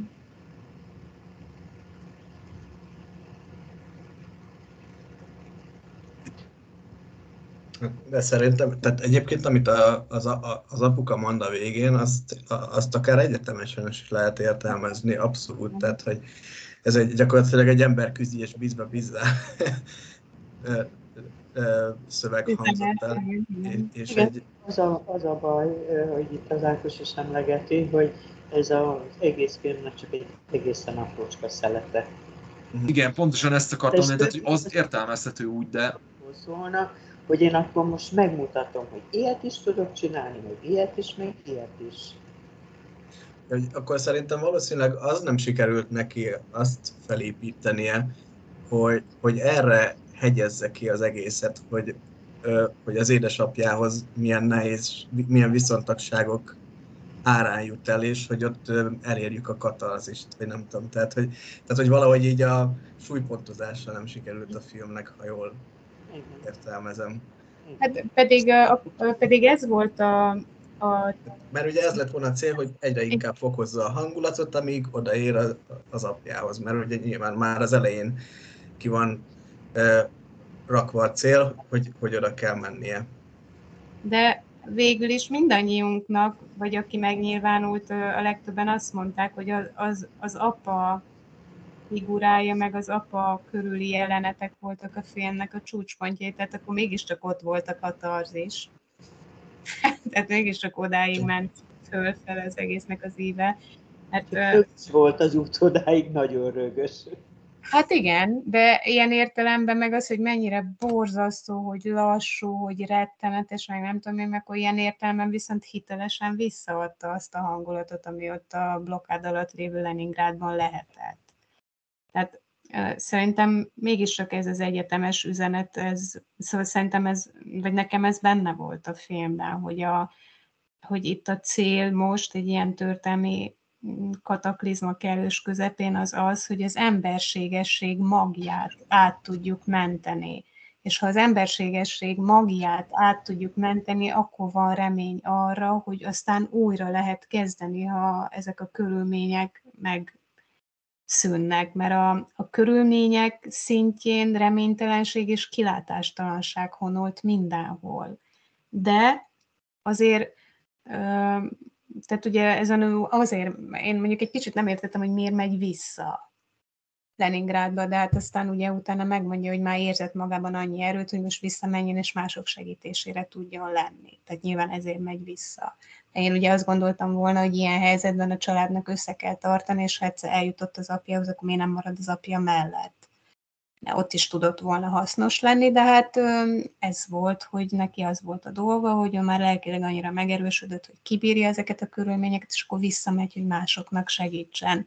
Mert ez a, a másoknak való segítségadás igénye, az korábban is benne van így a nőben, így emlékeztek, hogy a, amikor a szomszédjától elbúcsúzik, akkor megkéri, hogy hogy etesse tovább a, a csecsemőt, szóval nem mondjon le a csecsemőről. Meg aztán ő erejét megfeszítve segít ott azon a buckán áthúzni a szekrénybe lévő idős nő holtestét, tehát hogy azért amikor, amit tud, akkor segít visszaszerezni a kenyeret attól a szerencsétlentől, aki bele, aki elvesz egy ilyen batont, amikor fölborul a szekér ott a sorválók között. Tehát, hogy Szóval benne egy a segítség igénye megvolt, csak a segítségre való képessége vagy ereje nem volt már meg, és miután az apjával találkozik, és az apja egy kicsit helyrehoz, akkor utána már meg lesz benne is. Tehát szerintem ez az egyetemes üzenete ennek a filmnek. Egyébként bennem így felmerült az is, hogy tehát hogy ugye ez a Leningrádi blokkád több mint 800 nap szenvedés hasonló, tehát hogy ez, ez nem egy olyan, mint mondjuk egy, egy csata, amit megfilmesítenek, tehát hogy, hogy ezt lehet-e más, hogy megfilmesíteni, mint hogy ezt a, a civil lakosságnak a szenvedését mutatjuk be egy, egy ilyen blokkád alatt, vagy hogy, tehát ugye ez, ez eleve egy nehéz feladat volt, hogy ebből egy filmet, egy, egy élvezhető filmet csinálni. Hát én ezt valahol olvastam is, hogy valamilyen statisztikai megközelítést, hogy meglepő, hogy még a szovjet érában, tehát hogy a második világháborúról rengeteg film készült, de konkrétan a blokkád tapasztalatairól, aminek olyan film, ez volt a fókuszpontja, olyan viszonylag kevés. És hogy így, hogy ez egy olyan téma, amihez alig mernek hozzányúlni az alkotók, mert hát, hogy itt, itt rengeteg külső és belső elvárással kellene szembenézni. Tehát tényleg, mit, hm? mondjad, Viktor? Ja, nem, csak helyeseltem. De egyébként tehát azt azért lehet az ilyen tőzsgyökeres Péterváriaknak a meg, mai, mai tőzsgyökeres Péterváriaknak a megnyilvánulásaiban máig benne van a, az, hogy nagy, szüleik, nagyszüleik, hogyha túlélték a blokkádot, akkor ezt is túléljük. Tehát, tehát hogy ez valamiféle tehát ez valamiféle ilyen uh, hogy ez egy ilyen támpont ma is mindenkinek, mint ahogy, az ország, mint ahogy Oroszország számára is ez a nagy honvédő háború, hogyha azt megnyertük, akkor, akkor bármit kibírunk. Így a Leningrádiak vagy Péterváriak számára meg ez, hogyha a blokádot túléltük, akkor bármit túlélünk. Tehát... Igen, szóval ez egy olyan toposz azóta az orosz gondolkodásban, hogy hát tényleg ez hozzányúlni, hát ez egy nagy kockázat. Egyébként Viktor, még akkor egy kicsit erről az Olga Bergolcról beszélj már, mert a másik dolog, ugye ezt a vég, ez az Olga Bergolc, ez a, a, a 20. század második felében ez egy ilyen kötelező, most rondát fogok mondani, de hogy ez egy szovjet szent volt gyakorlatilag ez az Olga Bergolc, és ez a nyiktonyezabit, nyistonyezabit, ami a végén ki is van írva a, a castingnál, tehát hogy ezt, ezt a mondatot minden gyerek fejébe vésővel belevésték, tehát hogy ez, ez egy olyan mondat, ami tehát hogy ugye a blokádról készít filmet, és akkor azon belül is kifejezetten Olga Bergholz az egyik központi figura, tehát hogy ez egy, ez egy nagyon merész vállalás volt. Igen, tehát hogy ezt, ezt Jól mondta, tehát ez, a, ez az egyik versének az utolsó sora, ez a Nyiktanyezabit, Nyistanyezabita, és ugye ez a Piszkárjavói temetőnek a falára van felírva ez a vers, ahol a legtöbb blokádban elhunytnak a sírja található, és ez tényleg egy, egy, egy, egy, egy, egy szállóigévé vált, és ezt, ezt ugye ma is használják rengetegszer, nem csak Leningrád esetében, hanem hanem sok más esetben is, amikor a nagy honvédő háború szóba kerül, és ugye ez az Olga Bergholz költőnő, ő, reng, ő ugye itt tehát a blokkád alatt végig Leningrádban volt, ő a rendszeresen olvasott föl a rádióban a versei, verseiből, ugye azt láttuk itt a filmben is, hogy a rádió az végig működött, ezzel próbálta tartani a lelket az emberekben, és tehát utána valóban egy ilyen tehát Leningrád költőnője, egy, egyfajta egy ilyen szent és érthetetlen, nem akarom kimondani, hogy szent tehén lett, de bocsánat, de, Szóval egy, egy szent és érthetetlen figurája lett ennek a, ennek a blokkádnak, de egyébként a, az útja, ami odáig vezetett a 30-as években, azért nem volt annyira, nem volt annyira kikövezve. Tehát ő még 1910-ben született, még a régi rendszerben, és egyébként így a hasonlóságokat azt, azt nagyjából annyiból lehet lefedni a a filmben lévő szereplő és Olga Bergholz között, hogy egyrészt mind a kettőjüknek a neve az Olga, és amikor ugye ezek a visszaemlékezős jelenetek vannak így gyerekkorából, azért az, azoknál így látszik, hogy valami, hogy, hogy a forradalom előtti, tehát nekem azok ilyen forradalom előtti visszaemlékezéseknek uh-huh. tűnnek még, a, még így a békei, békeidőkből, és mit akartam mondani. Na most el, elvesztettem a fonalat, bocsánat, de, de mindjárt, mindjárt visszatalálok. szóval a, igen, a másik hasonlóság a filmbeli Olga és a, az itteni az, az Olga Bergholz között, hogy a férje az valóban, a második férje, az valóban a blokkád alatt, és 42. január 27-én halt meg, tehát, és ez pedig 42. februárjában játszódik a film, tehát valóban ez volt, hogy a férjét akkor veszítette el. De egyébként ilyen más életrajzi utalásokat én nem, nem igazán találtam, tehát az apja az apját azt ugyanúgy evakuálták, mint Zalcman, tehát hogy az első évet azt ott töltötte ő is Leningrádban, de utána evakuálásra került, mint szükséges szakember, de azt már elfelejtettem, tehát hogy szerintem nem orvos volt, hanem valami más. Uh-huh.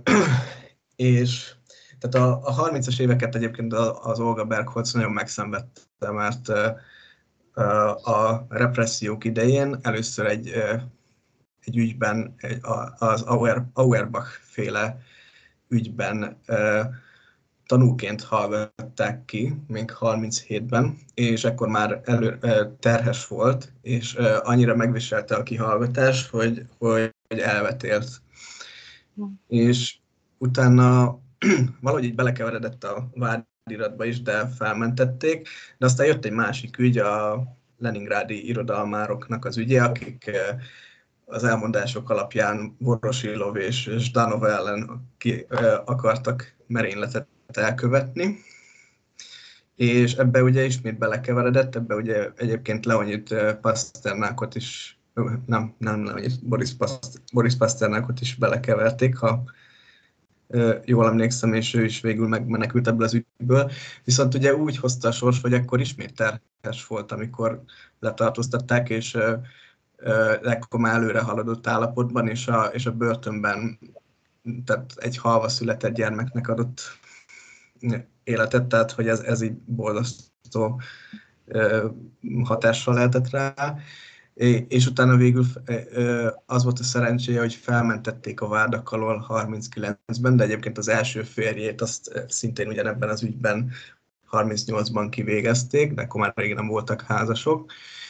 És és hát valószínűleg az volt a, a megegyezés tárgya, hogy 1940-ben belépett a kommunista pártba, tehát hogy elkötelezte magát a, a párt mellett végül.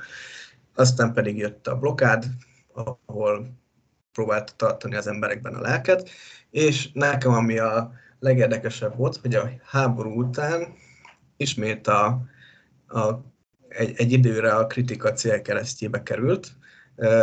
A, az Író Szövetségből valaki kritizálta, hogy Olga Bergholz és még sok más költő is csak az emberek szenvedéseire helyezi a hangsúlyt. És hogy ez nem, tehát hogy ez nem egy jó irány. Uh-huh. De itt már ugye megúszta ezeket a a 45 utáni tisztogatásokat, tehát hogy 50, 50-ben vagy 51-ben Stalin díjat is kapott, tehát, és ezek, ezek után pedig felívett a karrierje, mint háborús költőnőnek, de de ez nekem így, ez külön érdekes volt, hogy a háború után egy rövid ideig pont emiatt, amiatt, ami miatt a film is, hogy a szörnyűségekre koncentrál, tehát hogy emiatt kritizálták akkor. És egyébként ugye a, a naplója a Nappali csillagok a címe, Nyev Zvjozdi, az pedig 1960-ban megjelent, magyarul is lehet olvasni. Uh-huh. Így, így nagyjából ennyit érdemes róla tudni.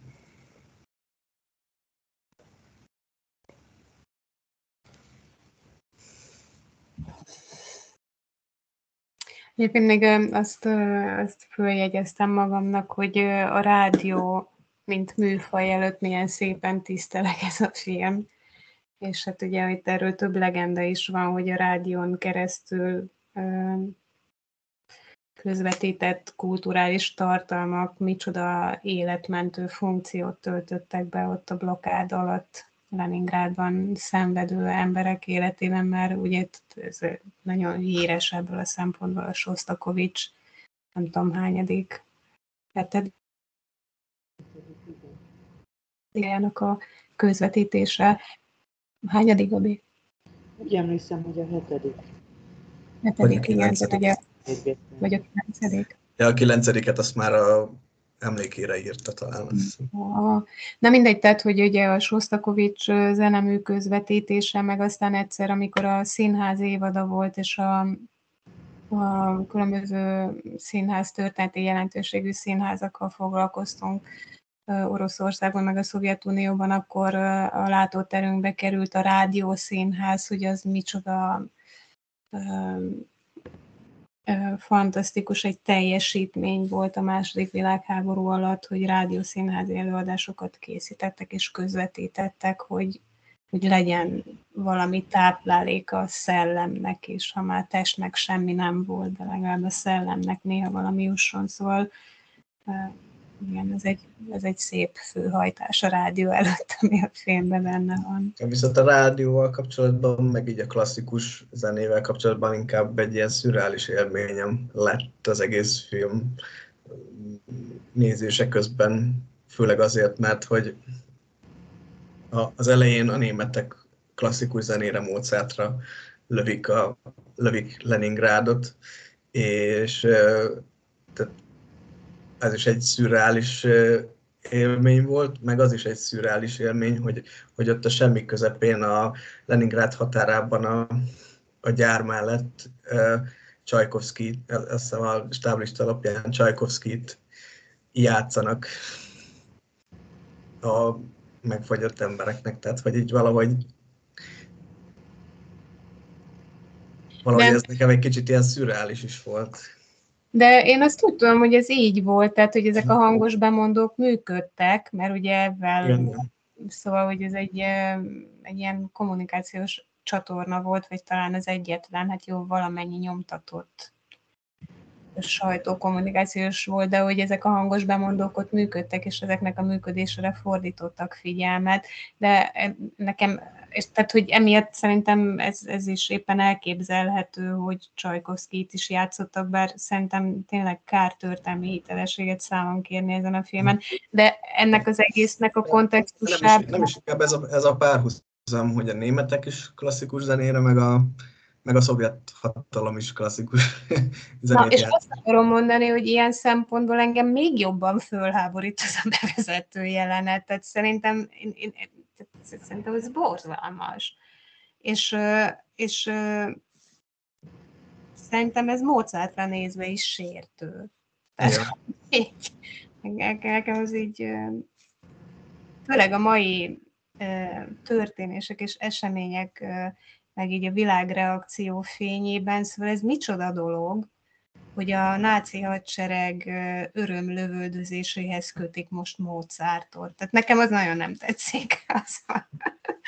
ezt, ezt így el is akarom felejteni, hogy a film elején ez van. Ja, legalább Wagnert játszottak volna, mert azt tudjuk, hogy... hát jó, de Na, ez is egy vonalas megközelítés. Nekem egy kicsit ugye beugrott a, az apokalipszis most, amikor a légi lovassága a valkürök lovaglására lövi a vietnámi fa, falvakat. Hát és a, a, nekem meg még ugye ilyenkor mindig eszembe jut a jaj, micsoda a gépnarancs is, tudjátok, ez a bölcs, mm. vagy nem tudom, hogy kell kiejteni a nevét, ott pedig, amikor a, a hogy mondjam, a jellemjavító agyműtétet, meg az átszoktatást, vagy az átnevelést próbálják a főhősön, akkor meg a Beethovennek a sors szimfoniája hallatszik állandóan, tehát Ja, de az már neki az meg külön büntetés, mert nagyon szereti a klasszikus zenét, és utána meg nem tudja máshoz kötni a igen. Csak az árneveléshez. Csak az pont, pont nem olvastam a gép narancsot, úgyhogy... Ez így rémlik.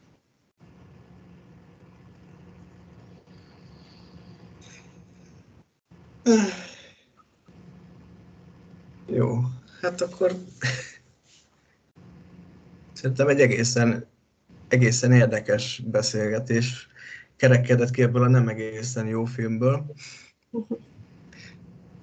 De úgy, úgy sikerült így kihámozni azt, hogy nagyjából, hogy mit akart az AICEV elérni ezzel a filmmel. Kérdés, hogy a közönségnél elérte ezt a hatást, amit ő el akart érni, vagy pedig pont az ellenkezőjét váltotta ki. Ezt még a Gabi mondta az elején, hogy ebben így, amikor még nem ment a felvétel, és ebben még ebben igazat tudok adni, hogy amikor így a, az embernek a képében nyomják így teljesen naturalisztikusan ezeket a dolgokat, ez lehet, hogy lehet kontraproduktív is. Tehát nem, minden, nem mindenki vágyik erre, vagy szerintem a nagy közönség nem feltétlenül erre vágyik.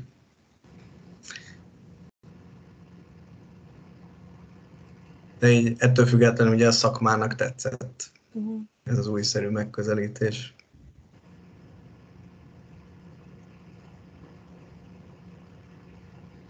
nem tudom, ti ezt így el tudjátok képzelni, hogy a szakma neki menjen ennek a filmnek, mert milyen alap, tehát hogy ez egy nehéz kérdés, nem? Ilyen... Hát csak úgy mehet neki, ahogy a Panorama Rosszika műhelyi filmklubja, úgyhogy ha meghallgatják majd ezt a podcast beszélgetést, akkor remélhetőleg ezt követően ugyanilyen árnyaltan fognak róla beszélni. Egyébként szerintem nem, nem kéne, hogy neki menjen, legalábbis én én sem mennék neki, meg remélem én sem mentem neki most független attól, hogy bizonyos esetekben lehet, hogy kicsit nagyobb vehemenciával mondtam a saját álláspontomat. Lehet, hogy idő kell hozzá, lehet, hogy újra nézés, de én nem mennék neki, tehát szerintem egy, a maga módján egy egyedi hangvételű alkotás. Egyébként nem tudtam, hogy Zajcev dokumentalista filmeket is rendez, szóval lehet, hogy szerencsésebb lett volna ebből a témából egy sokkal dokumentarista filmet készíteni, mint ezt. Lehet, hogy ez neki jobban ment volna. Mm. Egyébként ilyen jellegű dokumentumfilmet, vagy dokumentarista filmet készített a, a Szokurov, a, mi is a keresztneve? Alexand, vagy Alexei? Alexandr. Alexandr Szokurov, aki ugye az orosz bárkának, meg a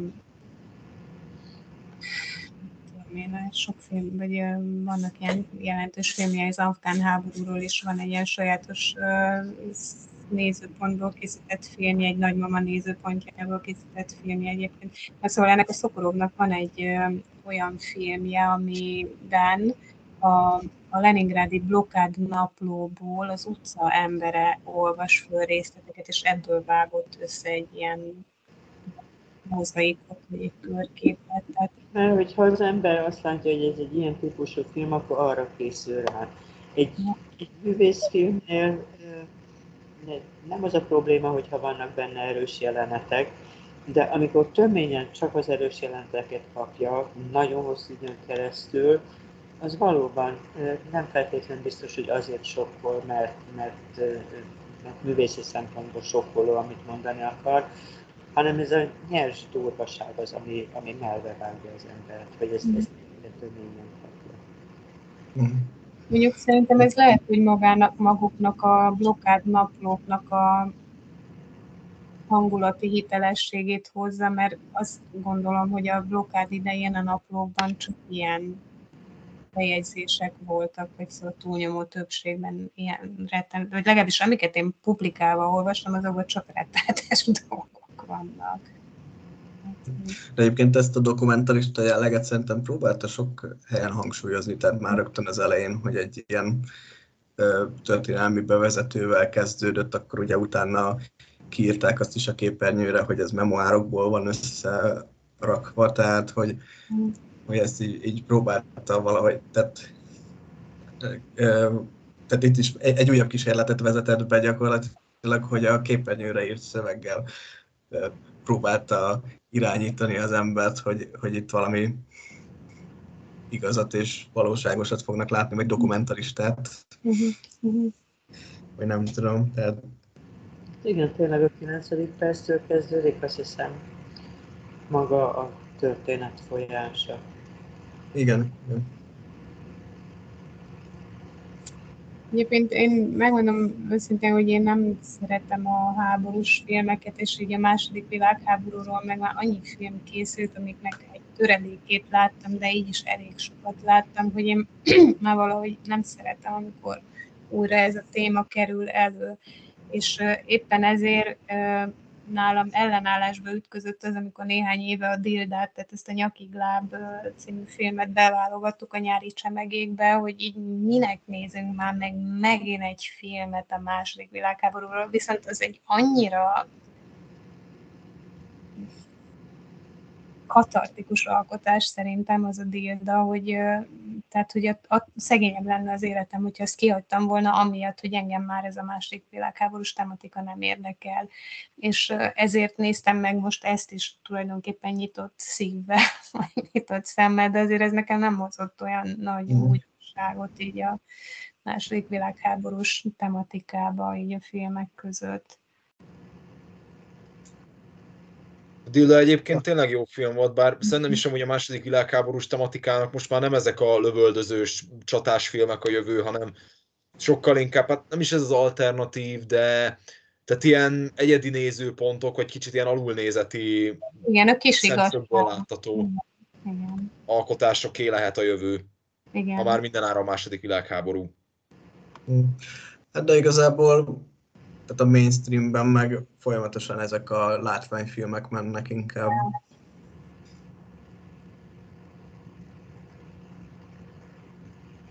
Na jó, hát vannak olyanok is, de egyébként azért ez Nyugat-Európára is betölt, mert ugye pár éve volt ez a ilyen nagy sikert kiváltó, ez a Dunkirk, amit a, ugye Christopher Nolan rendezett, és hogy az is igazából ilyen három történetet mixelt össze ilyen egyszerű közkatonák szempontjából. Mm. És amúgy szerintem az is egy hasonló felvétel jutott, nem, nem mondjuk az ilyen Midway vagy ilyen Pearl Harborhoz hasonló ilyen látványos amerikai szétkomputerezett légi csatákat kaptunk, hanem amúgy tényleg egy viszonylag húsvérfilmet. Igen, hát azért van, tehát hogy mondjam, azért valóban szóval nem, nem jó az, hogyha ettől az ember elfordul, ettől a tematik, vagy a filmektől, mert hogy a tematika már nem érdekli, tehát hogy ezt most önkritikaként mondom, mert én is láttam egy pár éve egy Dán, szerintem egy Dán filmet, ami meg egy olyan hadifogoly alakulatról szólt, ahol olyan fiatal fiúk voltak az alakulatban, akiket tulajdonképpen a világháború legvégén soroztak be, tehát ők már ilyen aktív harcban nem vettek részt, de aztán hadifoglyok lettek, és a Dán tengerpartnak a taposó aknátlanítása volt a feladatuk. Most nem jut eszembe, mi volt ennek a filmnek a címe, nem, nem ismerős így a sztori? De az például az egy annyira erős film, és az és annyira megrázó film, és annyira uh, egyszerre, egyszerre, és ez a zseniális benne, hogy így egyszerre több nézőpontból mutatja be a, a háború, a második világháború felelősségét. Az egy nagyon, tehát például az egy kitűnő film szerintem. Úgyhogy hát hajrá, aki akar, még csináljon újabb és újabb filmeket, mert lehet még itt mit mondani. Az volt a címe, hogy a homok alatt. Magyarul. Igen, ugye tényleg ez az Under the Sand, igazad van, Orsi, láttad? Igen. Igen, az egy nagyon, tehát hogy ez egy elképesztő erejű film, az mindenkinek, igen. Még nézem, hogy mit írtam fel magamnak, de... Igen, én is végignéztem, Viktor, én már nem tudok más mondani, hogy még a papíromon nagybetűkkel föl van írva, hogy gics. néha így azért így, így kirobban belem egy basszus, muszáj ez, de mindegy, azért. Mm. Igen, egyébként tehát néha nekem is surolta a gics határát, hogy, uh-huh. hogy és eh, nekem is eszembe jutott az, hogy, hogy az, hogy a Mihalkov patronátja az, hogy a Leningrádi blokkádnak 80. évfordulója volt, és a többi, és a többi, hogy, hogy emiatt lehet, hogy nem ismerte volna tényleg a szakma lehúzni. Hogy, hogy ezt, ezt alkottuk a, erre a nagy évfordulóra. Igen, igen, én is, én is így, így sejteném. De tehát én, én szerintem mellett nyilván voltak benne előremutató dolgok is, csak az, azok nem, nem feltétlenül jöttek át mindegyik. Mondjuk én... Nem, nem mindig.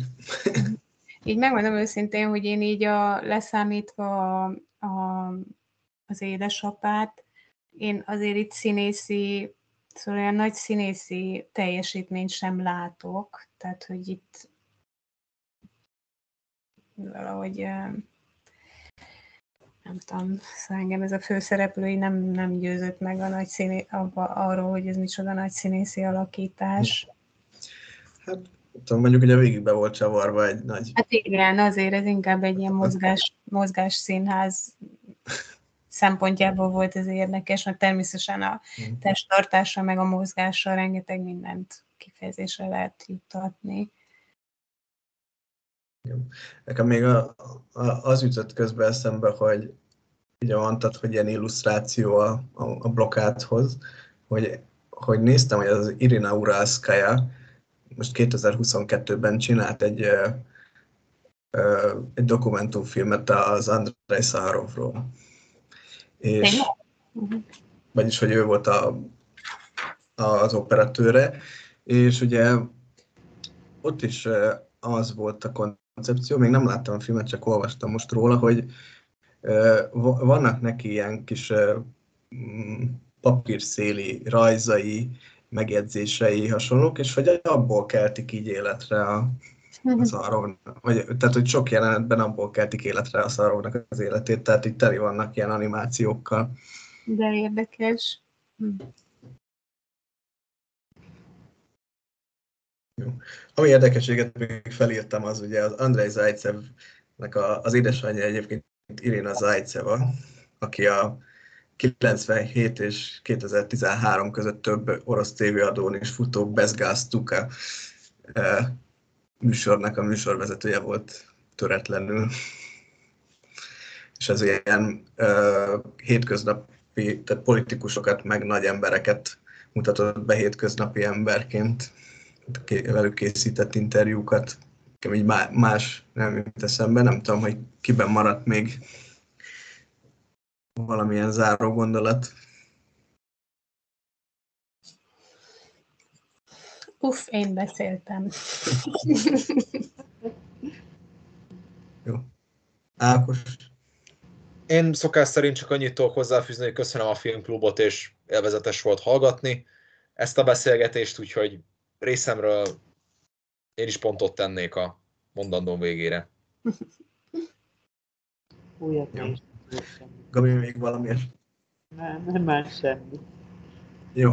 Jó beszélgetés Akkor volt. Jó volt, igen. A következő héten, azaz 11 meg 7, 18-án pedig Kirill Szerebrenyikovnak a legújabb filmjét fogjuk megnézni, ami tavaly került elkészülésre, az a Petrovivő grippe, azaz hát én úgy fordítottam, hogy egy tükörfordítás, hogy influenza Petrovéknál, mert itt ugye az angol címben ott csak Petrov's flu van, de itt ugye nem csak a Petrov lesz influenzás, hanem a felesége is, ha jól olvastam a történet szerint.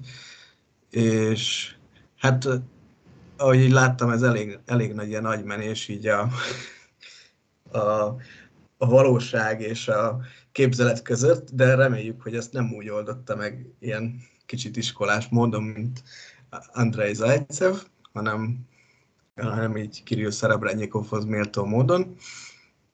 E, és akkor jövő héten találkozunk. Ja, köszönjük szépen, Viktor. Jó volt. Jó. Sziasztok! Köszönjük, Viktor! Szép estét mindenkinek! Sziasztok! Sziasztok! Sziasztok.